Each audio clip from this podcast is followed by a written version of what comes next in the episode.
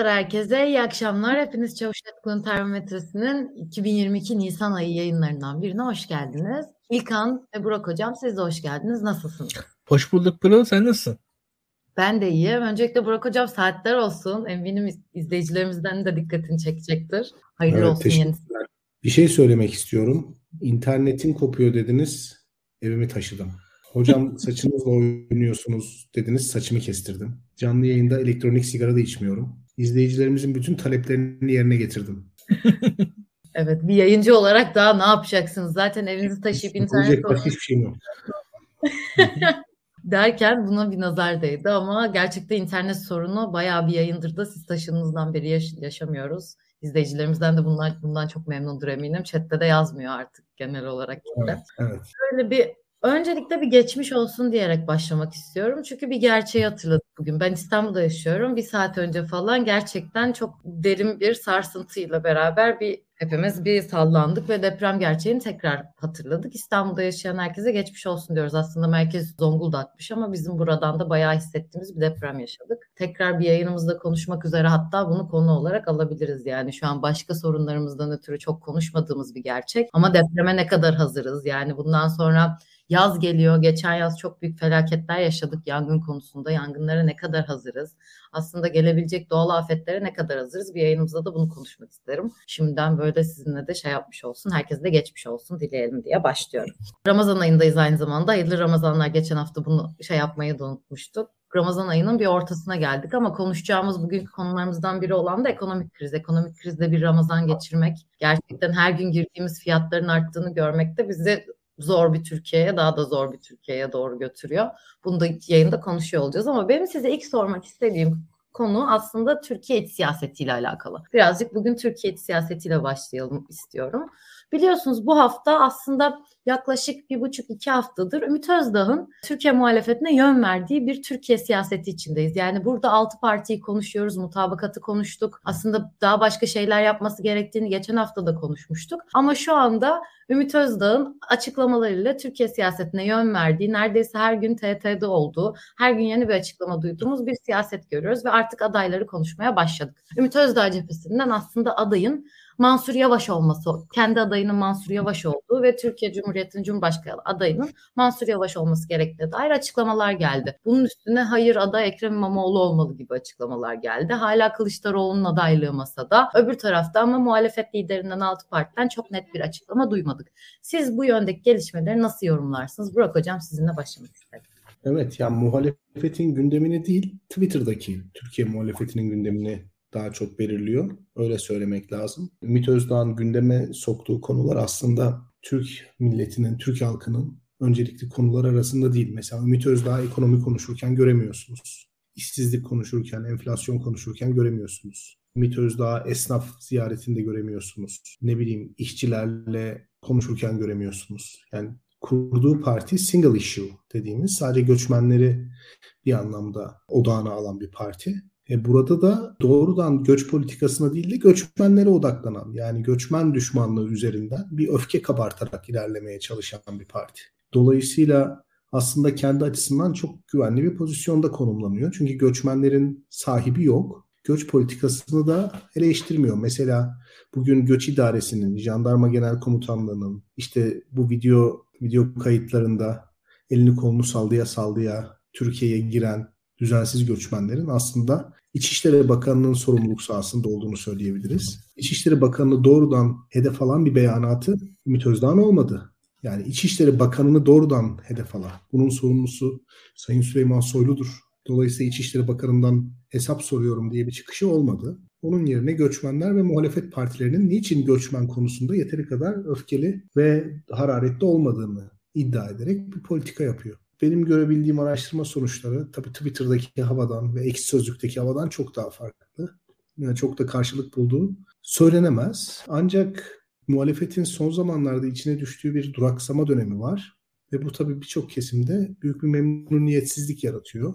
Bu memnuniyetsizlik bir anlamda Ümit Özdağ tarafından sezildi ve Mansur Yavaş ismi ortaya atılarak muhalif seçmenin uzun zamandır beklediği bir isim ve bir yol haritası diyebileceğimiz daha somut öneriler heyecan uyandırmayı başardı. Çünkü altılı masa daha önceki konuşmalarımızda da söyledik. Parlamenter sisteme geçiş üzerinden bir ittifak sağlamaya çalışıyor. Yani ittifakın ekseni parlamenter sisteme geçiş. Dolayısıyla o kadar da heyecan uyandırmıyor çünkü insanların pratikte çok daha başka sorunları var. O yüzden parlamenter sisteme geçiş meselesi ve altılı masadaki aslında dört partinin ciddi anlamda bir oyunun da olmaması. Yani masanın aslında ikili masa olacakken birdenbire pek insanların anlam veremediği şekilde altılı masa olması çok da toplumda ilgi uyandırmıyor. Üstelik insanların şimdi daha ismini vererek, adını koyarak konuşalım. Muhalif seçmenin somut isimler üzerinde beklentileri var. Yani Mansur Yavaş ve Ekrem İmamoğlu üzerine beklentileri var. Bütün bunlar ortadayken son dakikaya kadar adayın gizlenmesi ve adaya karar verme sürecinde Gelecek ve Deva partilerinin de etkili olacağının söylenmesi açıkçası muhalefet tabanında bir rahatsızlık yaratıyor. Dolayısıyla bu rahatsızlık Ümit Özdağ'ın Mansur Yavaş açıklamasıyla birlikte oldukça başarılı bir şekilde manipüle edildi. Özellikle sosyal medyada yani siyasetle yatıp kalkan kesimde bu ses getirdi. Bir de tabii sosyal medya şöyle bir şey. Onu da söylemek lazım. Türkiye'de ne kadar küçük parti varsa kısıtlı imkanlarla propaganda yapma sürecinde e, ne kadar küçük parti varsa en ucuz propaganda yapma yöntemi Twitter aslında. Toplumsal karşılığı topladığınız zaman çok fazla yapmayacak siyasi partiler Twitter'da çok daha etkin ve gündemi belirleyebiliyorlar. Bunun da avantajını kullandı. Sosyal medyaya çok önem veriyor Ümit Özdağ. Orayı çok önemsiyor. Orası için ayrı bir operasyon yürüttüğünü düşünüyorum. Dolayısıyla sosyal medyada bunu gündeme sokmayı başardı. Bu Sayın Mansur Yavaş için çok talihsiz bir durumdur. Onu da söylemem gerekiyor. Yani Ümit Özdağ'ın ağzından Mansur Yavaş ismini duyar duymaz çok üzüldüm. Mansur Yavaş'ın ısrarla kendisini siyasetin dışında konumlandırma gibi bir eğilimi var. Doğru ya da yanlış bunu tartışırız sonra. Bence çok doğru değil. Yani düşüncesi doğru ama düşüncesini gerçekleştirmek için attığı adımlar çok doğru değil. Kendisini ısrarla siyasetin dışında tuttuğu için %55'lere 60'lara varan bir popülariteye sahip oldu Mansur Yavaş. Kendisini 3,5 sene, 3 sene boyunca bu şekilde tutan bir figür en sonunda siyasi skalanın en sağındaki siyasetçiyle birdenbire birlikte anılmaya başlandı. Bu çok enteresan bir şey. Mansur Yavaş'ı popüler kılan şey aslında herhangi bir siyasetçiyle ya da herhangi bir siyasi grupla beraber anılmamasıydı.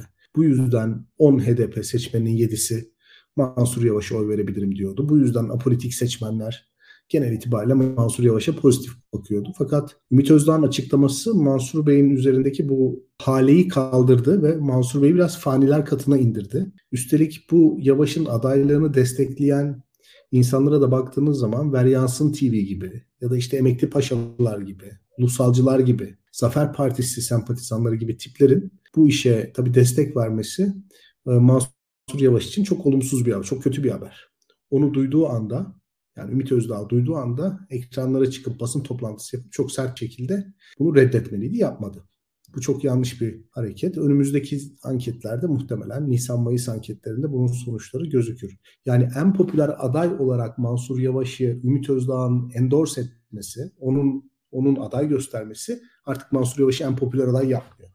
Artık böyle bir durum var yani. Tabii bu politikaya bir de Nihat Genç'in Haşim Kılıç iddiası eklendi ve artık tablo benim için çok netleşti. Yani anketlerdeki en popüler adayı kendisine zırh yapıp altılı masayı yani muhalif ittifakı da tabanın tepkisini çekebilecek bir isimle özdeşleştirerek muhalif tabanı altı partiye karşı kışkırtma gibi bir politika var burada. Yani küçük marjinal bir partinin, marjinal bir grubun kendisine muhalif siyasette alan açması, muhalefeti temsil etme ancından dolayı böyle bir politika uygulaması gibi bir durum olduğunu düşünüyorum. E, ne Ümit Özdağ Mansur Yavaş'ı çok sever. Yani onu da söylemek lazım. Çünkü yerel seçim ittifakında CHP ile ittifak yapılmasına itiraz eden tek isim İyi Parti'de Ümit Özdağ'dı.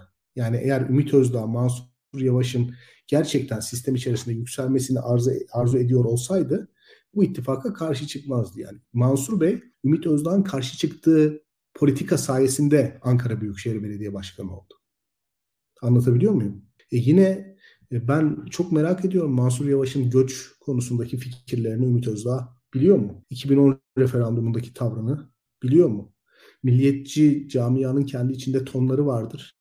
Mansur Yavaş'ın bu tonlardan hangisine daha yakın olduğunu biliyor mu? Yani bunu yaparken Ümit Özdağ Mansur Yavaş'a olan inancından dolayı değil, Mansur Yavaş'ın popüler olmasının avantajını kullanmak için kendi siyasetini, kendi siyasi partisinin alanını genişletmek için maalesef muhalefetin en popüler adayını yakma gibi bir yola girdi. Muhalefetin İlkan daha önce söylemişti en büyük avantajı tek adam üzerinden ilerlememesi. Yani biz muhaliflerin çok şanslı olduğumuz taraf 3-4 tane aday çıkartabiliriz. Fakat dikkat edin seçimi kazanmamız için en güçlü adaylardan bir tanesi iki haftadır son derece vulgar bir şekilde sosyal medyada normal, ortalama, apolitik, biraz aklı selim, biraz işinde gücünde insanları irite edecek kesimler tarafından destekleniyor. Kürtleri HDP seçmenini irite edecek.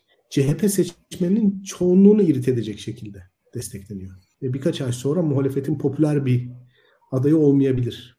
Yani bir adayımız muhalifler olarak bizim bu seçimden galip gelmemizi sağlayabilecek adaylarımızdan biri çok abuk sabuk bir şekilde popülaritesi düşüyor.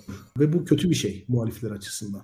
Keşke Mansur Bey o gün çıkıp çok sert bir tepki verseydi. Ya şey konusunda dediklerinize ben de ilk bu açıklamayı duyduğumda aslında Mansur Yavaş için kötü bir izlenim bırakabileceğini düşünmüştüm. Çünkü gerçekten göreve geldiği günden beri sadece hizmete çalışan, Ankara'nın siz daha iyi biliyorsunuz internet olmayan köylerine internet götüren ve sadece ve sadece halka hizmet için çalışan bu siyasi politikalara çok yaklaşmayan bir insanken Türkiye'de aşırı sağ olarak adlandırabileceğimiz bir partinin lideri tarafından aday gösterilmesi aslında bu birazcık daha halk adamlı imajını zedeler mi diyordum ama bir anda da şurada çeliştim siz deyince. Biz bunu sadece Twitter'da mı görüyor konuşuyoruz? Gerçekten tabanda bu kadar yer etmiyorsa gerçek bu kadar endişe etmemizi gerektirecek bir durum yok mudur aslında? Ana akıma taşındı ama bugün yani şu saatlerde CNN Türk Ümit Özdağ konuk ediyor. Ne kadar oy alacağı belli olmayan, Türk siyasetindeki ağırlığının ne olduğu bilinmeyen bir parti CNN Türk gibi çok ana akım bir televizyonda Ahmet Hakan gibi bir ismin programına konuk oluyor. Yani sadece Twitter'la sınırlı kalması istenmiyor. Ve bu adım Ahmet Hakan tarafından işte yazıldı, çizildi, desteklendi, stratejik deha, işte bir taşla yedi kuş, on kuş böyle şeyler. Yani öncelikli olarak her türlü derinlikli ve katmanlı analizin ötesinde yani hükümet medyasından bu alkışı alan birisi kendisine bir soru soracak. Yani ben ne yaptım da hükümet medyası yani Ziraat Bankası'ndan alınan ve geri ödenmeyen krediyle bir gazete satın alan, buna sahip olan bir grubun baş yazarı beni övüyor. Bunu düşüneceksiniz. Çok açık söyleyeyim. İkincisi niçin CNN Türkiye davet ediliyorum? Bunu da düşüneceksiniz. Yani teke tek bir programa. Üçüncüsü yaptığınız hareket muhalefetin genel olarak işine yarıyor mu yaramıyor mu bunu düşüneceksiniz. Böyle bir şey. Ben bu üçünün de Ümit Özdağ tarafından çok kafaya takıldığı kanaatinde değilim. Onun çok daha muhalefetin dışında kendi partisini büyütmek gibi bir stratejisi var. Olabilir ona bir şey demiyorum. Yani kendisine muhalefetle iktidarı aynı çizgide gibi bir, bir duruma inandırmış ve kendisini üçüncü bir yol olarak sunuyor. E, üçüncü bir yol olarak sunuyor ama buna Mansur Bey'i alet etmesi, Mansur Bey'in Millet İttifakı'nın adayı, Millet İttifakı'nın belediye başkanı Mansur Bey'in arkasına gizlenmesi hakikaten muhalefet açısından yani Adalet ve Kalkınma Partisi'ni mağlup edebilecek güçler açısından çok sıkıntılı bir durum. E, yani Özdağ'ın pozisyonu muhalefetin hayrına değil, iktidarın hayrına. Öyle söyleyeyim. Yani artık aslında birazcık ekseni değişti. Sadece Twitter'da konuştuğumuz bir mesele olmaktan çıkıp ana akıma da taşındı ve bu bir noktada da muhalefete de adayın adaya gösterilen Mansur Yavaş'ın kendisine de zarar verebilir noktasında Öyle. olduğumuzu anlıyorum Öyle. sizin konuşmalarınızda. İlkan sen ne düşünüyorsun bu konu hakkında? Bilgehan'ın dediklerine katılıyorum. Bilgehan'a bir soru soracağım. Keşke gitmeseydi. Neyse. Ee, şey soracağım. Bugün yani Mansur Yavaş'ın adı ilk gündeme geldiği anda tahminimiz şuydu. Mansur Bey tanıdığımız Mansur Bey Kılıçdaroğlu'da görüşür bunun sonucunda dedik yani açıkçası. Birazcık Mansur Bey'i tanıyan insan olarak. O, o görüşme ne zaman gerçekleşir diye benim aklımdaydı. Bugüne kaldı. Hatta yani ben birazcık da şey yapıyordum. Hani ilk gün görüşme gerçekleşmeyince birazcık panikledim. E, hatta yani bizim pazartesi yayınından önce görüşsünler de yani biraz konuş şey olsun diye düşünmüştüm yani. Hani hatta ve bugüne kaldı görüşme. Bugün görüştüler. Bugün Meral Hanım ve Kemal Bey ile görüştü Mansur Bey. Onun için ne diyorsun? Ya şimdi e, Mansur Bey şunun farkına varmalı. Dışarıdan Millet İttifakı'na aday dayatması yapılıyor ve bu aday kendisi. Yani dayatılan aday kendisi. Hani bu eğer Cumhurbaşkanlığı gibi bir düşüncesi varsa ona yönelik bir hamle. Yani bu Kemal Bey'e, Meral Hanım'a yönelik bir hamle değil. Yani onlar zaten ittifakın liderleri seçenekleri var. Hani en kötü durumda kendileri aday olurlar. Ama burada Mansur Bey dayatılıyor ve arada kalan Mansur Yavaş'ın ta kendisi. Yani bu aslında Kemal Bey'in meselesi değil. Meral Hanım'ın meselesi de değil. Mansur Bey'in kendi meselesi. Peşine düşmesi gereken insan hani Ümit Özdağ tabiri caizse bir şekilde cevap vermesi gereken insan Mansur Yavaş. Ve geçen hafta çarşamba günü gerçekleşti bu olay. Hı hı. Geçen hafta çarşamba günü İyi Parti grup toplantısı sırasında Fox TV'ye çıktı Ümit Özdağ ve hem bir anlamda grup toplantısını gündemden sildi. Grup toplantısına dair hiçbir şey yansımadı basına. Gündem tamamıyla bu magazinsel muhabbetle sarsıldı. Hem de Mansur Bey'den bir cevap gelmedi. Yani bu dediğim gibi eğer Cumhurbaşkanı olmak istiyorsa Mansur Bey'in meselesi İlkan. Akşener'de Kılıçdaroğlu da Cumhurbaşkanı adayı gösterme konusunda Mansur Yavaş'a muhtaç değil. Başka adaylar da var. Hele Ümit Özdağ tarafından endorse edilen bir Mansur Yavaş'a hiç muhtaç değiller. Çünkü yani... Ümit Özdağ tarafından desteklendiği anda Mansur Yavaş artık Mansur Yavaş olmuyor. Kılıçdaroğlu ve Akşener'in uzlaşarak aday yaptığı Mansur Yavaş hikayesiyle Ümit Özdağ'ın milliyetçi, bunu da tırnak içerisinde söylüyorum. Yani kendisini öyle tanımladığı için söylüyorum. Milliyetçi sahiplerle aday yaptığı Mansur Yavaş hikayesi arasında çok ciddi bir fark var. Yani biz hep muhalefetin ortak adayı Mansur Yavaş'ı oyladık. Şimdi Ümit Özdağ'ın adayı, Ümit Özdağ'ın dayattığı Mansur Yavaş'ın toplumdaki karşılığını bundan sonra anketler ölçecek. Ve söylemek lazım. O yüzden burada parti liderlerinin değil Mansur Bey'in davası bu. Hızla birkaç şey ben söyleyeyim. Benim gördüğüm kadarıyla ilk başta ben şöyle düşündüm. Mansur Yavaş, bizim tanıdığımız Mansur Yavaş bu heyecan içerisine katılmaz. Yani herkes çok heyecanla Mansur Yavaş aday olsun der. Ama Mansur Yavaş'ın tarzı genelde bu değildir. Ha, bu demek değildir ki Mansur Yavaş Cumhurbaşkanı olmak falan istemez. Cumhurbaşkanı olmak olmak ister tabii ki. Öyle bir durum yok yani. Hani öyle bir insanın Cumhurbaşkanı olmak istememesi falan gibi bir durum diye bir şey yoktur yani. Onu herkes bilir zaten. Ama şöyle bir durum var. Mansur Yavaş'ın mevcut siyasal pozisyonu bile belli bir dengelerin sonucunda oluşmuş bir pozisyon. Yani Twitter'ın kendi mesela bir gündemi var ama o, o gündemin verdiği oyla seçilmiş bir insan değil. Seçildiği arkasında aldığı oylar var. Yani öyle ya da böyle Ankara'daki bile HDP seçmenin oyunu aldı Mansur Yavaş. Yani o o kızgın insanların oylarıyla sadece seçilmedi bir defa ve bunun sonunda da öyle bir noktaya geldik ki farkındaysanız Demirtaş'ın bir de bir açıklaması geldi öyle ya da böyle bir şekilde bu adaylara yönelik bir de HDP tarafı var ve biz bunu farkındaysanız şunu hissediyorum ben. Bilmiyorum nasıl bakacaksınız. Bu altılı masa altılı masadaki işte küçük aktörler, altılı masanın dışındaki daha küçük aktörler vesaire ama ortada bir HDP var. %10-12'de oyu var. Yani o sanki hiçbir aktör değil. Çok rahat oy alınabilecek bir pozisyon gibi. Öyle bir noktada ki daha da neredeyse bir, bir aşama sonra şey böyle e, Zafer Partisi içerisindeki hiziplerin falan ağırlıkları falan olacak yakında Cumhurbaşkanı adayının seçilmesi için. Ama bir, bir kimse konuşamıyor. Ana akımdan kimse de konuşamayacak hale gelecek herhalde bu girişle diye düşünüyorum ben. Orada bir dengesizlik oluşmaya başladı. Bu dengesizlik fazla büyüdü diye de bir kanaatim var. Bu tarz dışarıdan aday ataması çok sıkıntılı. Hatta Bilgehan kibar davranıyor açıkçası. Çünkü yani Ümit Özdağ'ın Kemal Kılıçdaroğlu'na ve Meral Akşener'e söylediği sözleri düşünürseniz bu insanların Ankara Belediye Başkanı adayı yaptığı birisi Mansur Yavaş. Ve onun arkasında arkasında durdukları birisi Mansur Yavaş ve bu insanlar olmadan da Cumhurbaşkanı adayı dahi olamayacak birisi objektif olarak bakılırsa. Zaten buradaki mesele daha ziyade şudur. Bilgehan o konuda haklı. Daha ziyade Zafer Partisi'ne de yönelik kendisinin şahsi bir stratejisi bu diye düşünüyorum ben. E, ve muhtemelen çok büyük bir deha olarak kendini görüyor bu konuda. Çünkü en sonunda kendisi aday olacak Özda. Çünkü işte Mansur Bey de benim dediğimi kabul etmedi. O yüzden artık yapacak bir şey yok diyerek öyle bir hikayeyle kendi kendine aday göstermeye çalışacak. İşte imza falan toplayacaktır diye tahmin ediyorum. Ve bu süreçte kendi hikayesini nispeten bir ayrıntı, bir detay olarak yazmak için yola çıkıyor diye düşünüyorum. Ki yerel seçimdeki stratejisinin aynısı bu. Yani oradaki birazcık hani o şerefli bir yenilgi alarak seçimi öyle kapamak. Yani seçimden yenilgi hedefleyerek, hedefleyen bir analiz stratejisi var Ümit Özdağ benim gördüğüm kadarıyla. Şimdi de kendisi aday olacaktır Ümit Özdağ'ın arkasından da alabileceği en yüksek oyla da yenilerek seçimden çıkmayı hedefliyor. Yani o yenilgi stratejisinin bir ayağıdır diye düşünüyorum şu an yaptığı hareket. Bu Mansur Yavaş'ın adını vermesi. Yani burada Mansur Bey'in adını verdiği gibi İmamoğlu'nun adını verebilirdi. İlhan Kesici'nin adını. Yani kim popülerse şu anda öyle bir çıkıntı bir hareketle ortalığı biraz karıştırma adına verebilirdi. Burada birçok insan konuyu yakından bilmeyen insanlar diye bence düşünüyorum. İkisi de milliyetçi kökenli insanlar. O yüzden demek ki aralarında kesin bir bağ vardır diye öyle hayallere falan kapıldılar. Öyle bir bağ yok bakılırsa. Ama öyle yani bu, bu şu an insanlar o duyguyla ve birçok hani e, sevenleri ve sevmeyenleri de o duyguyla hareket ediyorlar Bilgehan. Yani hani biraz şey gibi ne yazık ki herkes siyasetin bu kadar içinde değil. Yani nasıl olduğunu düşünmüyor yani. Bunlar sanki belediye başkanlığından çıkıyorlar aynı kahvede oturuyorlar gibi hissediyor insan. Yok öyle bir durum yani. Hani o duygunun içerisinde olduğu bir hava var bizde de. Fazla siyaset biraz siyasetin dışına itiyor herhalde. Çok siyaset düşününce insanlar iyice hani biraz ne diyelim miyopluk mu dersin ne dersin veyahut da öyle bir şey de yaşanıyor herhalde. Ya şeyi birazcık daha şurada toparlamaya çalışırsak evet yani ileri vadede uzun vadede Özdağ'ın imza toplayacağını da düşünebiliriz ama Özdağ'ın bu açıklamaları da aslında kimi kesim tarafından konuşulması gerektiği artık başlanması gerektiği söylenen adaylık tartışmalarını bir şekilde getirdi. İmamoğlu kendi de açıklama yaptı buradan sonra. Ben bir CHP üyesiyim, bir CHP'liyim ve benim adayım Kılıçdaroğlu'dur, genel başkanımızdır gibi bir açıklama yaptı. Bu açıklamanın aynısını daha önce de yapmıştı. Tekrar ismi gündeme geldiğinde yaptı.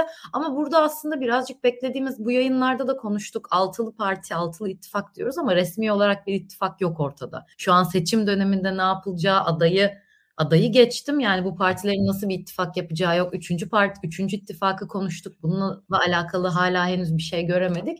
Bu seçime yaklaştığımız dönemde biz seçim atmosferini topluyor mudur? Biz ileride ne görürüz bunun hakkında? Altılı masa heyecan uyandırmıyor. Burada yeni bir şey yok. Haftalardır söylüyoruz. Ha, ilk biz söyledik bunu. Yani altılı masanın bir karakteri yok. Yani Türkiye'nin şu anda parlamenter sisteme geçiş rüyasından uyanması lazım Pırıl. Yani halka doğruları söylemek lazım. Parlamenter sisteme seçimden sonra hemen geçilmeyecek. Eğer muhalefet seçimi kazanırsa parlamenter sisteme geçme önerisi AK Parti ve MHP'den gelir ve parlamenter sisteme geçildikten sonra muhalefet kazandığı iktidarı kaybeder. Açık açık konuşalım. Zaten yeni seçim yasasıyla birlikte Adalet ve Kalkınma Partisi oyları düşmesine rağmen parlamentodaki ağırlığını korumayı hedefliyor. Böyle bir adım atıyor. O yüzden asıl amaç parlamenter sisteme geçmek ve parlamenter sisteme geçiş üzerinden bir ittifak kurmak olmamalı. Bunu açık söylemek gerekiyor. İkincisi Türk halkının önceliği parlamenter sistem değil sorunlarının çözülmesi. O yüzden çok maksimalist bir demokrasi hedefinden ziyade daha minimalist, insanların somut sorunlarını çözen bir eylem planı ortaya konması lazım. Sürekli olarak projeniz nedir diye soruluyor muhalefete. Muhalefet de sürekli olarak kalın klasörler, işte konferanslar, çalıştaylar, raporlar falan sunuyor. Aslında insanların duymak istediği eylem planı. E, bu Süleyman Demirel'in vardı İlkan hatırlıyor musun? 500 gün, ilk 500 gün kampanyası. Çok etkili kampanyalar. Aynen. İşte Malezya'da yanılmıyorsam 100 gün 100 adım mı öyle bir şey vardı Malezya seçimlerinde. Tabii. Böyle, yani insanların duymak istediği şeyler hani iktidarı ele aldıktan sonra atacağımız somut adımlar. Merkez Bankası Başkanlığı'na şu, şu ismi getireceğim. 200 üniversitenin rektörü değişecek. Buralara işte e, yabancı yayını olmayan hiç kimse atanmayacak. 26 tane AK Parti kökenli diplomat var. Bunlar hemen merkeze çağrılacak. Yerine meslek memurları atanacak. Kamu harcamaları mesela hızlı bir şekilde azaltılacak. Çift maaş uygulamasına son verilecek gibi. Ve bir senenin sonunda insanlara bir şey vaat edeceksiniz. Yani enflasyonu tek indireceğim. İşte işsizliği tek indireceğim gibi. Milli geliri 10 bin doların üstüne çıkartacağım gibi. Şimdi insanlar bunu duymak istiyor. Bunu duymak isteyen insanlara ısrarla altı partinin ki bunların dediğim gibi yani hani sadece iki tanesi aslında muhalefetin omurgasını oluşturuyor. Altı partinin bir araya gelip uzlaştıkları parlamenter sisteme geçiş metni sunuluyor. Ve daha da vahim şeyler oluyor. Bir türlü adayın ismi açıklanmıyor, eylem planı açıklanmıyor. Son ana kadar da bizde kalacak deniyor. Dolayısıyla insanlar başka parametrelere bakmaya başlıyorlar genel başkanlara yakın isimler, yazarlar, Twitter hesapları falan takip ediliyor. Bir de bakıyorlar ki aslında bambaşka şeyler tezgahlanıyor. E, Cumhuriyet Halk Partisi'nin tabanı mesela rahatsız oluyor bazı şeylerden. Açık açık konuşuyoruz burada. Arkadaşları da çağırıyoruz. Onlar da ifade ediyorlar.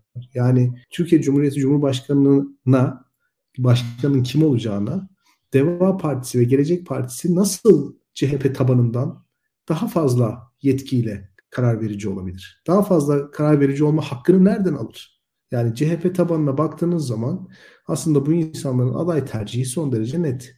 CHP tabanının yani son 20 senedir bir şekilde ayakta kalmış CHP tabanının iradesi yok sayılarak daha iki sene önce muhalefete gelmiş iki tane siyasi partinin yüzde kaç oy alacağı belli olmayan iki siyasi partinin liderinin düşüncesi nasıl CHP tabanından daha önemli olabilir? Anlatabiliyor muyum?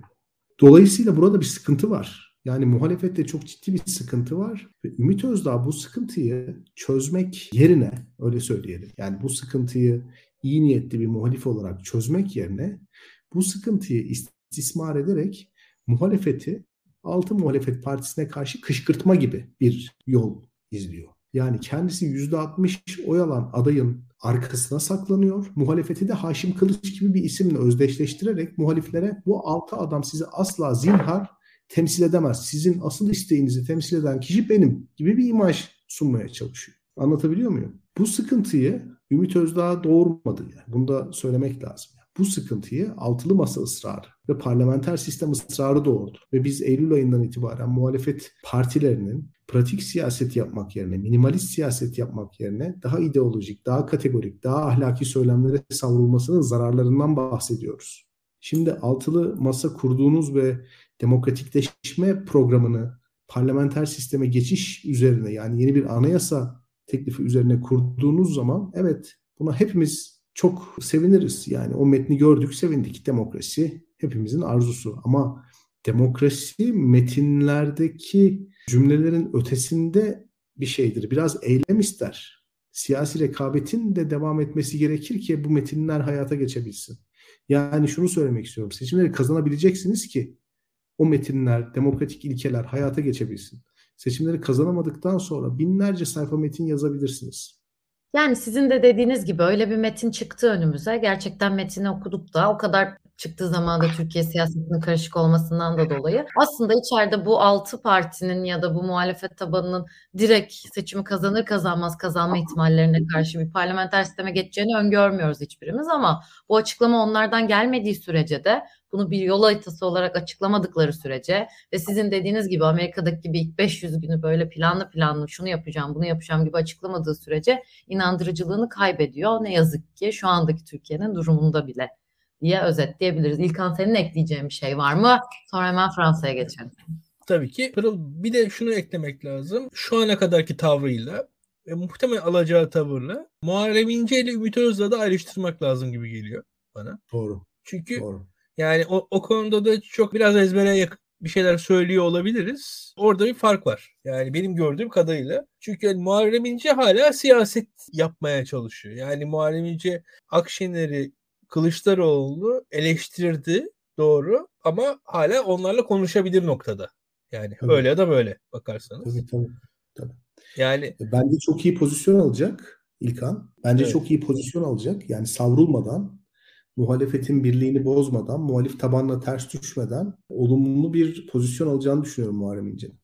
Şu ana kadar ki en azından aktif olarak ben adayım da demedi ki yani şu anki işte yüzde yarımlardan falan bahsediyoruz da hayatında bir yüzde otuz oy almış birisi var karşımızda. Yani onların hepsi hani anket manket de değil yani real yüzde otuzu almış bir insan var karşımızda ve şu an sessiz ve daha ziyade o altılı masadan yanlış bir isim çıkarsa konuşacak belki de bir isim olacak. O zaman sözünün daha büyük değeri olacak diye düşünüyorum. Yani şu anki sessizliği, şu anki bekliyor tavrı, şu an en azından hala Akşener'le ya da Kılıçdaroğlu'yla hani bir siyasal eleştiri yapmış ama yani yüzüne bakamaz halde değil bir şekilde yani. Hani yarın bir gün memleket için bir araya geliyoruz derse yani kimse şaşırmaz en azından öyle söyleyeyim. Yani ama atıyorum hani diğerinde terörist falan denmişti yani neredeyse birbirlerine. O, o çok fena laflar söylendi. İlkan bir de şöyle bir şey var. Mesela altılı masadan iyi bir isim çıkmadı diyelim. Ümit Özdağ'ın kendi adaylığı da çok bir anlam ifade etmeyebilir. Ama Muharrem İnce'nin o noktada aday olması çok anlam ifade eder. Yani Muharrem İnce'nin aday olma ihtimali aslında altılı masanın ortaya koyacağı ismi de değiştirebilecek bir ihtimal. Anlatabiliyor muyum? Yani bunu evet. koyarsak Muharrem İnce aday olur ve bundan daha fazla oy alır gibi bir düşünce altılı masayı sıkıştıracak. O masada Kesinlikle. bugün Demirtaş'ın açıklamalarını da gördük. Yedinci kişi var. Muharrem İnce sekizinci kişi var. Yani ve bir şey söyleyeyim mi yani aslında işte o altılı masanın kararları üzerinde en az etkili olacak hamleyi en fazla konuş, konuştuğumuz hamle oluyor yani mesela. Bu Ümit Özdağ evet, hamlesi evet. en az etki edecek hamle. Bugün altılı masanın çıkartacağı aday üzerinde Muharrem İnce'nin suskunluğu bence Ümit Özdağ'ın sabah akşam konuşmasından daha etkili. Kesinlikle öyle. Manşet Kesinlikle yani, öyle. Bize konuşacak bir şey vermeleri lazım ki gerçekten böyle bunları ama, konuşmuyor olalım diyeceğim. Ama şimdi bunu, aynen biz biz şöyle bir şey var. Olanları olmayanları konuşuyoruz. Bir yandan hani işte diyoruz önem vermediğimiz aktör ama açıklamayı da o yapıyor. O istersen onu konuşur haldeyiz. Metot bilsek e, deriz, deriz ki şu metotla uygulanıyor. Doğru metot, yanlış metot. İşte o metotla bir aday seçildiği zaman çıkacak sonuçlarda şöyle yapılsın, yapılmasın kampanyada şu olsun olmasın hiçbir şey söyleyemiyoruz şu anda. Yani, yani ne diyeceğiz biz? E bir yandan da şu var. Farkındaysan şeye de benzedik yani. İklim değişikliğiyle beraber biz başlık değişikliğine gidiyoruz her hafta. Onunla beraber ama gündem aynı. yani tamam hani ekonomi gündemimiz aynı olsun ama aday kim olacak? Biz seninle beraber buluşmaya başladık. Bu yayınları yapmaya başladık. Aday kim olacak? Her hafta terennüm ediyoruz. Yani en sonunda biz de o CNN Türk'teki yayıncılara benzemeye başlayacağız yani. Biraz onun rahatsızlığını biz de yaşıyoruz ister istemez. Yani burada daha ziyade ilerlenmesi gerekiyor. Yani ülkenin önünde somut sorunlar var ve kabul güçlendirilmiş parlamenter sistem vizyonu en azından doğru vizyondur. Benim ona itirazım yok. Türkiye'deki muhalefet bunun etrafında birleşebilir. Çünkü o vizyonun sonucunda bir kişinin bu kadar otoriterleşmesinin önündeki tüm engeller kalkacaktır. Çok güzel. Ama tek vizyon bu mu olmalıdır? O da gerçekçi değil. Çünkü 360 vekilden bahsediyoruz. 400 vekilden bahsediyoruz. Bu, bu vekil sayılarına parlamentoda aynı anda harekete geçirmek, bu sayıda vekili parlamentoda aynı anda harekete geçirmek çok zor. Yani bakın muhalefet o kadar vekili alsa bile ya yarın bir gün atıyorum Gelecek Partisi'nden bir, bir grup vekil bizim için şöyledir verdiği anda ne, neler olacağını veyahut da işte HDP ile HDP mesela hani biz bugün diyoruz İyi Parti HDP yan yana gelir mi? İşte belki de gelmez yani çok da şaşırtıcı bir şey de olmaz bu. Anayasa değişikliği gibi hususta bir araya gelmek istemeyebilirler. Bir bir ayrıntı işte HDP der ki ben şu değişikliği kabul ederim ana dilde eğitim olursa o zaman tüm hikaye bambaşka bir şey olur. Anayasa değişikliği bunu da koyalım evet. der senaryo. Yani me- mesela yani yani olmaz mı? Çok da olabilir. Böyle senaryolar çok rahat yazılabilir. Veyahut da bir bakarız Milliyetçi Hareket Partisi bambaşka bir noktaya kaymış olabilir. Devlet Bahçeli yarın bir gün bambaşka bir tarafından kalkar. Bir şekilde Milliyetçi Hareket Partisi tüm çizgisi değişir. Yani bu şöyle bir durum var. Ben diğer yayında söyledim. O zaman Beril çok güldü. Hakikaten Tanrı'yı güldürmek istiyorsanız ona planlarınızı anlatın. Yani bu kadar bu kadar çok değişken var ki. Tamam güzel vizyon olarak o konsun oraya, çıta olarak oraya o konsun. Doğrudur. Bu bu, bu ilkeler, bu, bu plan, bu proje konsun ama ona giden yol hakikaten zor bir yol ve biz şu an yani hakikaten hayat bizim o cidden o, oradaki mücadelemizden ibaret şu anda. Evet. Yani, evet ya şey dediğin gibi umarım ilerideki günlerde bize konuşacak bir konu verirler ve bunu konuşuyor oluruz yani. Şu an gerçekten çok fazla şey konuşabiliriz. Çok fazla ihtimal de konuşabiliriz. İhtimallerin ülkesi. Ya orada demişken çok güzel pas attım. Fransa'ya geçelim diyordum ama geçen hafta da konuştuk. Bir muhalefetin aksiyonsuzluğu üzerine. Aslında yani pandemi döneminde sokaktalardı, daha çok ekonomi konuşuyorlardı, daha fazla görüyorduk, duyuyorduk, daha fazla aksiyon vardı ama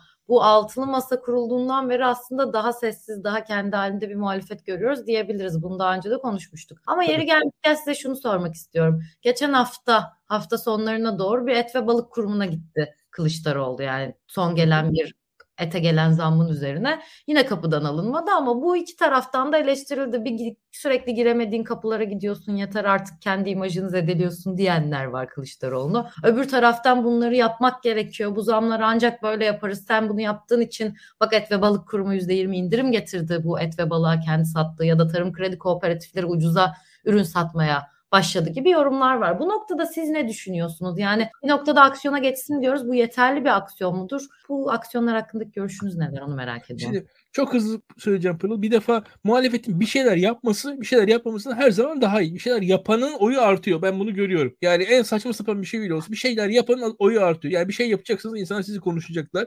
Yani o tabii geçici bir artış oluyor ama bir şekilde bir şeyler yapanın oyu artıyor. Devam edelim. Kemal Kılıçdaroğlu ve CHP'nin yaptığı şöyle bir hata var. İletişim stratejisinde benim gördüğüm en başarılı şey şu. Oy alırken de tekrar edeceksiniz.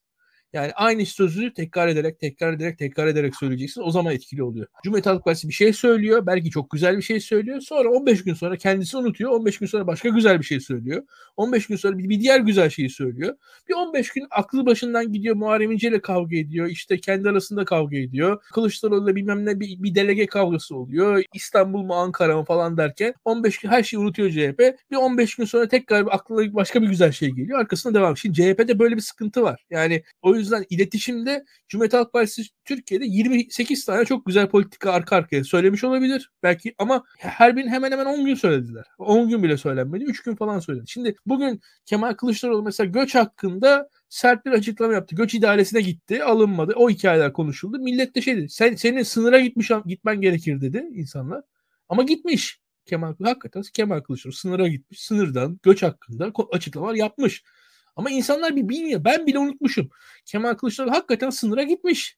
Yani ama şöyle bir şey var. Hayatının bir döneminde bir Türkiye muhalif lider sınıra gitmiş. Oradan da göç hakkında konuşma yapmış hakikaten. Ama biz bunu unuttuk. Şimdi o zaman gitmemiş anlamına gelir. yani o kadar çok şey yapılmış ki odak kaçıyor bir defa. Onu görmem lazım. Ya ha. burada senin söylediğin şey konusu çok önemli. Onun bir daha altını çizmek isterim ben de. Bir iletişim stratejisinin ana noktalarından biri söylemdir ve gerçekten bizim siyasette gördüğümüz eksiklerden biri ana söylemin eksikliği. O kadar fazla söylem var ve o kadar kısa sürelerde konuşuluyor ki bunlar. Gündemin hızlı değişmesinin etkisi de var.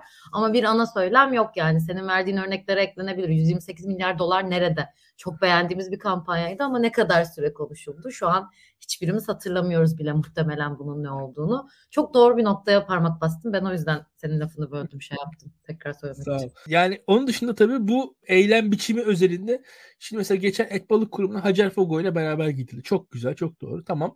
E bunun altında birazcık daha durulması gerekiyordu. O devamı gelmedi. Yani Hacer Hanım keşke daha çok çıksa Cumhuriyet Halk Partili kanalları şu aralar falan biz bir şekilde daha fazla görsek o eylemin devamını arkasından geldiğini görsek diye düşünüyorum. Birkaç şey daha Cumhuriyet Halk Partisi birazcık ekonomik olarak arkaik yaklaşıyor.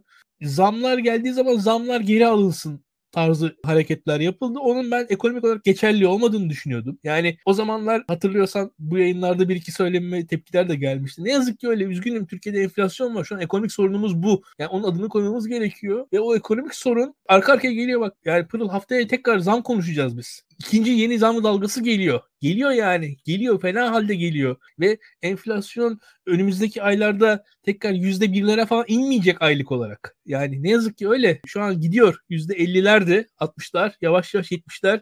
Bu yüze doğru gidiyor. Yani gözümün önünde gidiyor ya ben şu an bunu görüyorum ve bu üzgünüm Ocak ayında belliydi. Herhangi birimiz böyle çok bir inanılmaz ekonomik dehalar değiliz. Az çok gözüküyor. Yani okur yazan insanlarız anlıyoruz. Muhalefet hala o zamanlar şeydi. İşte zamlar geri alınsın. Yani açık konuşayım. Ocak ayındaki seviyeleri biz arayacağız. Arıyoruz. Ben arıyorum şu anda. Farkında mıyız bilmiyorum. Ocak ayındaki fiyat seviyesini ben arıyorum. O konuda biraz arkaik kaldı muhalefet bence. Çünkü şöyle söyleyeyim enflasyonun %15-20 seviyesinde olduğu bir ortamda zamlar geri alınsın muhalefeti yapılabilirdi. Ama enflasyonun %50-60-70 seviyesinde olduğu ortamda zamlar zamlar nereye geri alınacak? Yani artık geçmiş olsun. Biz şu an bambaşka bir ekonomideyiz. Şu an zamlar dursun falan denebilir en fazla. Onun dışında da bu kapıya gidip gelme konusunda da şöyle söyleyeyim. Şimdi birkaç muhalefet tarzı vardır. Birincisi daha sert muhalefet tarzı. Hakikaten oraya on binlerce kişiyle gidersiniz kapıyı da kırarsınız girersiniz içeriye. Bu bir tercihtir. Bir diğer tercih kapısına gidersiniz oturursunuz işte Mahatma Gandhi gibi tuz yürüyüşü beklersiniz kapısında bekledikçe beklersiniz orada işte sizi bir noktada içeri almak zorunda kalırlar. O hale getirirsiniz işi. Kılıçdaroğlu'nunki şu an çok kibar. Yani bu CHP'nin işte Kılıçdaroğlu'nun bir emekli bürokrat olarak yoğurt yiyişi diyelim. Çok içime sinmiyor benim açıkçası.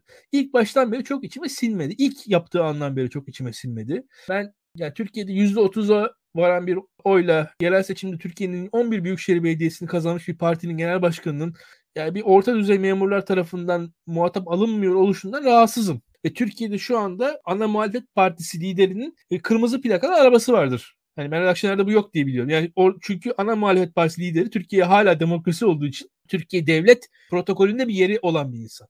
Yani bunun ağırlığının hissettirilmesi lazım. Birazcık şey yapıyorsun. Bu ağırlığını kaybettirdiğini düşünüyorsun. Evet. Ben biraz o, ben biraz oradayım. Yani ben çünkü Kemal Kılıçdaroğlu Türkiye ana muhalefet partisi lideri. Bu anayasal bir pozisyon. Türkiye'de ana muhalefet partisi lideri anayasal bir pozisyon. Ve kırmızı plakası var. Yani ana muhalefet partisi lideri kırmızı plaka veriliyor. Yani şu an mesela Zafer Partisi liderinin kırmızı plakası yok diye bir hatırlıyorum. Yani hani her siyasi parti liderinin kırmızı plaka arabası yok. Şu o ana muhalefet partisi liderinin ağırlığını giderek daha az hissetmeye başlayacağız. O da tehlikeli. Çünkü bunun bu kadar kolay harcanmaması gerekiyor. Tabii ki şu var. Muhatabının hedef alınması güzeldi. Biz burada mesela işte Kılıçdaroğlu bir ara bir milat demişti. Memurlara bir milattan bahsetmişti. İlk yayınlarımızda vardı hatırlarsın. Eylül ayında civarında. Ekim ayında mı Eylül ayında mı ne? O zamanlar işte hukuki olarak AKP'nin memuru olmayın, devletin memuru olun, milletin memuru olun falan demiş. O zamanlar mesela çok beğenmiştik o açıklamaları. O zaman bir ağırlığı vardı. Hukuka davet ediyordu. Kurumsallığa davet ettiği açıklamaları vardı Kılıçdaroğlu'nun. O, o güzeldi ama şu anki haller benim gözümde tam doğru değil. Ha benim Anladım. gözümde tam doğru olmaması tamamen yanlış olduğu anlamına gelmez bu arada. Yani onu da devam ettirebilir Sayın Kılıçdaroğlu. Kendi bilir. O kadar yani çok vahim bir şey değil. Evet çok doğru bulmadığını anladık senin. Burak Hocam siz ne düşünüyorsunuz bu konu hakkında? Muhalefetin güçlü gözükmesi gerekiyor. Kendinden emin gözükmesi gerekiyor. Maalesef o yok. O olmadığı için de top halen daha çizgideymiş gibi hissediliyor. Yani şu ortamda Adalet ve Kalkınma Partisi'nden kopan seçmenin aslında bir tercih yapmış olması gerekir. Yani çok net bir şekilde biz bu seçimi Tayyip Bey kaybedecek diyor olmalıydık artık. Ama diyemiyoruz. Bunun sebeplerinden bir tanesi muhalefet partilerinin kendi aralarında bir takım tasarımlar içerisine girmeleri. Yani masa altılı masa olmasaydı, Millet İttifakı şeklinde devam etseydi diğer partilerden de katkıları bekliyoruz falan deselerdi. Bence şu anda muhalefette bu dağınıklık olmazdı ve bir arada çalışarak daha önemli bir daha önemli bir gölge gösterebilirlerdi. Yani daha büyük bir gölge göstererek bu kararsız seçmeni kendilerine çekebilirlerdi. Şu anda orada bir sıkıntı var. Yani onu söylemek lazım. Yani en büyük sıkıntı İyi Parti ve CHP'nin yeteri kadar birbirine yakın olmaması. Ki bu iki partinin oy oranı %40. Yani baktığınız zaman 6 partinin oy oranı %42, 2 partinin oy oranı %40. Böyle konuşmak lazım. Yani bu şu demek değil. Yani o %2 de önemli. Yani onu çok önemsizleştirmek de istemiyorum. Fakat bu iki partinin özellikle birbirine çok yakın gitmesi gerekiyor. Çünkü tabanları birbirine çok yakın. Muhaliflik tecrübesini birlikte yaşadılar. Birçok kritik noktada beraber hareket ettiler. Yerel seçimleri birlikte aldılar. Dolayısıyla kazanma tecrübeleri var. Bir arada durma tecrübeleri var. O dağılmışlık bence muhalefeti çok iyi göstermiyor. İkincisi bu Cumhurbaşkanı adayının belirsizliği de felç edici bir durum. Yani yaratıcı politika yapan insana acaba Cumhurbaşkanı adayı olur mu gözüyle bakıyor insanlar haklı olarak. Agresif bir politika yapınca Kemal Bey, Meral Hanım, Ekrem Bey, Mansur Bey acaba Cumhurbaşkanı adayı mı diye bakıyorlar. Şimdi e, bu bir güvensizlik yaratıyor. Yani bu insanlar parlamenter sistemde olsalardı, tekil partileriyle vaatlerde bulunsalardı toplam oyları muhtemelen daha fazla olurdu. Şimdi birbirlerine göre ritimlerini ayarlamaları gerektiği için çok agresif bir şey de söyleyemiyorlar. Vaat veremiyorsunuz mesela. İktidara gelince şunu yapacağım diyemiyorsunuz. Çünkü iktidara kimin geleceği belli değil. Anlatabiliyor muyum? Zor bir iş. Yani hükümeti eleştirmenin artık kıyısına geldik yani. Bu hükümet ekonomiyi beceremiyor. Bunu herkes kabul ediyor. Yani artık dış güçler falan hikayesi de işlemiyor. Kötü. Yani en kötü şunu söylüyorlar yani. Hani Allah'a inanıyoruz. Bugün kötü yarın iyi tevekkül edeceğiz falan diyorlar. Ama ya beceremediğini bence bugün bu millet fark etmiş durumda. Ama vaat ortaya koyamıyorsunuz. Ya bugün Cumhuriyet Halk Partisi biz iktidara gelince şunu yapacağız diyemiyor. İyi Parti diyemiyor. Yani diyememesinin sebebi bu konuda bir fikrinin olmaması değil. Agresif politika üretecek bir yapı yok ortada. Anlatabiliyor muyum? O yüzden yani sadece hükümeti eleştirme noktasında kalıyorlar. Durumun resmini çekiyorlar. İşte esnaf ziyaretleri falan yapıyor Akşener. Kılıçdaroğlu kurumların önüne gidiyor. Ama onun ötesinde bir yönetme iradesi gösteremiyorlar. Bir çıkmazdalar yani. Proje anlatamıyorlar insanlara. Sebep bu bana sorarsanız. Yani anlatacak bir projeleri olsa bir aday belli olsa, bir eylem planları belli olsa bunu anlatacaklar. 2002 kampanyasından önce Cem Uzan'ı biliyoruz hepimiz. Yani bu adamın saçma da olsa halka anlatacak bir şey vardı. Mazot 1 lira olacak. Şimdi mazot 1 lira olacak hikayesi saçma, saçma gelebilir. Ama en azından adam bir şey söylüyordu ve bir şey inanarak söylüyordu. Yani şu anda muhalefet partilerinin, mesela İyi Parti'nin iktidara gelince şu adımları atacağız dediği zaman Cumhurbaşkanı adayının İyi Parti'den birisi olması gerekir. Ki bunlar yapılabilsin. Onu söyleyecek durumda değil kimse. Ya da Cumhuriyet Halk Partisi Genel Başkanı iktidara gelince şunları şunları yapacağım dediği zaman aday Kılıçdaroğlu mu diyoruz değil mi? Halbuki çok normal bir şey yani bir parti genel başkanının bu tip vaatlerde bulunması ama vaatte bulunduğu zaman birdenbire ortalık geriliyor. O yüzden insanlar çok agresif politika yapmıyorlar. Bence asıl sorun burada yapısal bir sorun.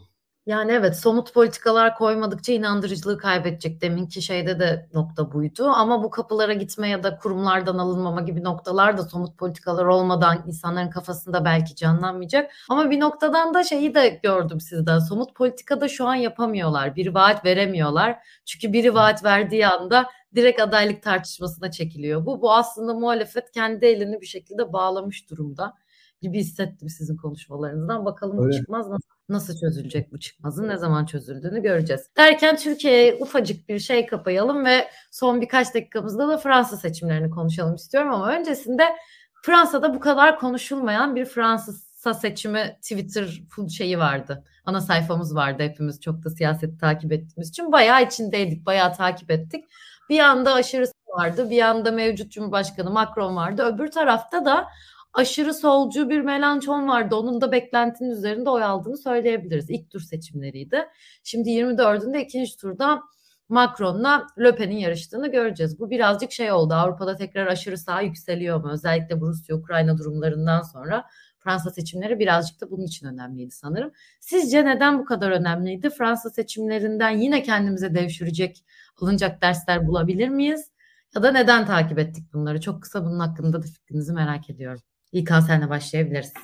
Şimdi Fransa seçimleri tabii biz muhtemelen seçim alışkanlığına sahip bir topluluk olduk. Twitter'da da birbirimizi gaza getiriyoruz. O yankı odasında daha da çok ilgilenmeye başladık. Hakikaten Macaristan seçimi, Fransa seçimi Arada kaçırdığımız seçimler var. İsviçre'de bir yerel seçim olmuş bildiğim kadarıyla. İşte Sırbistan yerel seçimi oldu. Onları falan takip ediyoruz. Afrika'da bazı seçimler var. Güney Amerika'da seçimler var aslında. Daha yakında onları takip etmeye başlayacağız biz. Çok ilgili izliyoruz her yeri. Açıkçası biz de daktilo olarak da bunu bu ilgiyi harlayan yapılardan bir tanesiyiz. Dünya ile beraber düşünmek, dünya ile beraber nefes almanın kendisi güzel bir defa. Keyifli bu. Dünyanın sorunlarını görmek şu açıdan anlamlı. Çünkü hani hep vardır ya biz bize benzeriz muhabbeti Türkiye'de. Yani Türkiye'dekine benzer sorunlar dünyanın birçok yerinde olabiliyor aslında. Onu görüyor olmak güzel bir defa. O bir, hem rahatlık veriyor hem de bir vizyon sağlayabiliyor bazen diye düşünüyorum. Fransa ama gerçekten de dünyadaki en kendine has ülkelerden bir tanesi. Yani ben Fransa'daki sağın yükselişiyle dünyada Avrupa'da hatta Avrupa'da bir sağın yükselişte olduğunu söylemem. Yani Avrupa'da sağlam bir durum var ve bu yükselişte ya da alçalışta gibi gelmiyor bana. Fransa ama kendine has bir yer. Fransa'da yükseliyorsa hatta Avrupa'da alçalıyor da olabilir bence yani. Ben biraz hani Fransa'da madem yükseliyorsa o zaman e, benim içim daha rahatladı yani. Muhtemelen Hollanda'da falan sağa düşer yani öyle tahmin ediyorum. Hatta şey demiştim ben. Ya Amerika Trump seçilince artık Fransa Le Pen seçilemez falan demiştim. Çünkü Amerika egzantrik birini seçince demek ki Fransa kesin normal birini seçecektir. Macron seçilmiştir. Genelde öyle oluyor. Hatta Pırıl sen ne kadar hatırlarsın? Hatırlarsın tabii de yani okumuşsundur en azından. Bu 80'lerde tüm dünyada işte sağ liderler seçiliyordu. İşte Reagan, Thatcher falan. Türkiye'de Özal. Fransa'da bir anda sosyalist Mitterrand seçildi. Yani hani ve tüm Fransa'da işte 68'de yani sağı seçen Fransa 80'lerde sosyalist Mitterrand'ı seçti. Ve insanlar şaşırdılar nasıl yani sosyalist Mitterrand nasıl seçildi? Seçildi. Fransa siyasetinde şu an enteresan bir bölünme. Ben bir defa partilerin isimlerinden bağımsız olarak baktığım zaman bir bölünme seziyorum. Her siyaset siyaset bölündükçe bölünüyor, bölündükçe bölünüyor. Merkez siyaset zayıflıyor orada da. Açık net gözüküyor ki Fransız toplumunda göçmenler, göçmen kökenli Fransızlara dair bir ciddi çelişki alttan alta büyüyor benim gördüğüm kadarıyla. Bu da sosyal olarak toplumu ortadan kesiyor, yarıyor diye düşünüyorum. Bu tabii ki Fransa'nın kendine has bir güçlü sendikal geleneği, güçlü sokak eylemi geleneği var. Fransa sokak eylemlerinin arkasından kurulmuş bir ülke. Yani Fransa'nın kuruluşunda sokak eylemleri var. Türkiye mecliste kurulmuş bir ülke. Fransa sokakta kurulmuş bir ülke. İkisi arasında o yüzden sokağın meşruiyeti Türkiye'ye göre Fransa çok fazla. Bu açıdan da şöyle söyleyelim bu Fransa'daki meselede şöyle söyleyeyim Fransa sağ kaymaya devam edecektir diye düşünüyorum. Ciddi göç meselesi, sosyal meselesi devam ediyor. Kim seçilirse seçilsin çok fark etmeyecek. Yani Macron ya da Le Pen'in seçilmesi ise seçilmesi de bence Fransa içindeki siyasetinden ziyade Fransız dış politikası üzerine anlamlı olacaktır diye düşünüyorum. Ve burada da şunu da ekleyeyim. Fransa'da Le Pen'in seçilmesi durumu gerçekleşirse bu benim gördüğüm kadarıyla özellikle Rusya-Ukrayna savaşı üzerinden Rusya'nın kaybettiği itibarı geri kazanmasını sağlayabilir. Rusya'ya bir alan açabilir diye öngörüyorum. O taraflarda da biraz şüphelerim var. Çünkü biz bir ara şey konuşuyorduk hatırlarsın işte Ukrayna'nın denazifikasyonunu falan konuşuyorduk ama tüm Avrupa sahanın Rusya ile finansal ilişkileri var. Tüm Avrupa sağı Rusya ile olan ilişkileri üzerinden tartışılan bir yapıdır ve sol aday da aslında Rusya ile ilişkileri eskiden var olduğu söylenen bir aday. Şu an kendisi çok ciddi şekilde denans etti Rusya'yı. Rusya ile arasında mesafe koymaya çalışıyor şu anda bu işgal sonrasında özellikle. Özellikle Fransa'nın dış politikada yeri açısından tartışılabilir bir noktada diye düşünüyorum. Fransız seçimi bir noktada... Evet, bunları sanırım ikinci turdan sonra şey yapmak evet. Yani Macron seçilecek. Melanchon falan çünkü Doğru. ona desteğini vereceğini şey yaptı. Şu an gördüğümüz gerçeklerde Macron şey yapacak ama bir de şey eklemek istiyorum şimdi tabii ki aşırı sağ tekrar geliyor mu sen çok güzel açıkladın Fransa tam tersidir Avrupa'nın gibi. Ya şu anda gördüğümüz şeyden de bize örnek olabilir mi diye sormak istedim size. 2016'da gördüğümüz Le Pen'le şu andaki Le Pen birbirinden farklı insanlar aslında ya da farklı söylemleri olan birazcık daha yumuşamış, birazcık daha naif ilerlediği ve oyunu böyle arttırdığını da söyleyebilir miyiz belki ya da bu benim gözlemimdir şeyde. 2016'daki sertlikte, 2016'daki aşırı sağda değil şu anda Le Pen ve bu yüzden belki de oylarını arttırdı. Bu da belki bizdeki muhalefete bir şeyler olabilir. Örnek gösterebilir gibi bir şey der misiniz? Onu merak ettim de. Ben bu benzerlikleri çok kurma taraftarı değilim yani. Geçen hafta da söyledim. Çünkü orada birimlerle alakalı bir kıyaslama yapıyoruz ama yapılar da çok etkili. Yani ülkelerin kendine has siyasi kültürleri var, ülkelerin ekonomik koşulları var, ülkelerin kendine az siyasi complexity dediğimiz yani böyle bir karmaşık ilişkiler bütünü var. Şimdi bunları yok sayarak sadece birimlerin davranışı üzerinden bir kıyaslama yapmayı hakikaten çok doğru bulmuyor. Karşılaştırmalı bir yaklaşım çok cazip gözüküyor. Macaristan için de bu böyle oldu. Fakat hani Macaristan'daki iktisadi koşulları ya da Macaristan'daki siyasi partilerin birbirleriyle olan ilişkilerini, siyasi kültürü bilmeden, buna değinmeden Sadece birimlerin işte onlar da 6 tane bunlar da 6 tane aynı kadar bizi de bekliyor gibi bir, bir yüzeysel yaklaşımı benimsemiyorum. Yani Löpen'in yani Türkiye'deki muaddili kimdir? O konuda da çok emin değilim yani. Onu da söylemek lazım. Yani yükselen sağ popülizm ya da yükselen aşırı sağı Türkiye'de mesela MHP'nin ve AKP'nin temsil etmesi beklenir ama bu insanlar göçmen karşıtı değiller bir taraftan. Mesela en önemli alameti farikası bu. Popülistler ama Avrupa sağ popülizminden bu açıdan ayrılıyorlar.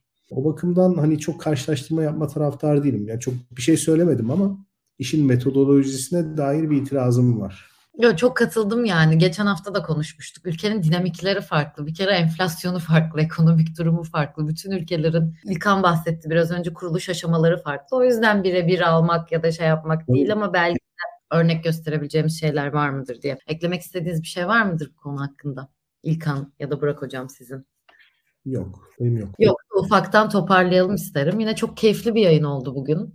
Gerçekten haftaya belki daha bize konuşacak malzeme verirler de Türkiye siyasetinde en azından onları konuşuyor oluruz diyerek kapatalım isterim bu yayını. Sizin için de uygunsa. Uygun. Ağzınıza sağlık. Çok teşekkür ederim. Herkese iyi akşamlar diliyoruz. Bizi izlediğiniz için teşekkürler.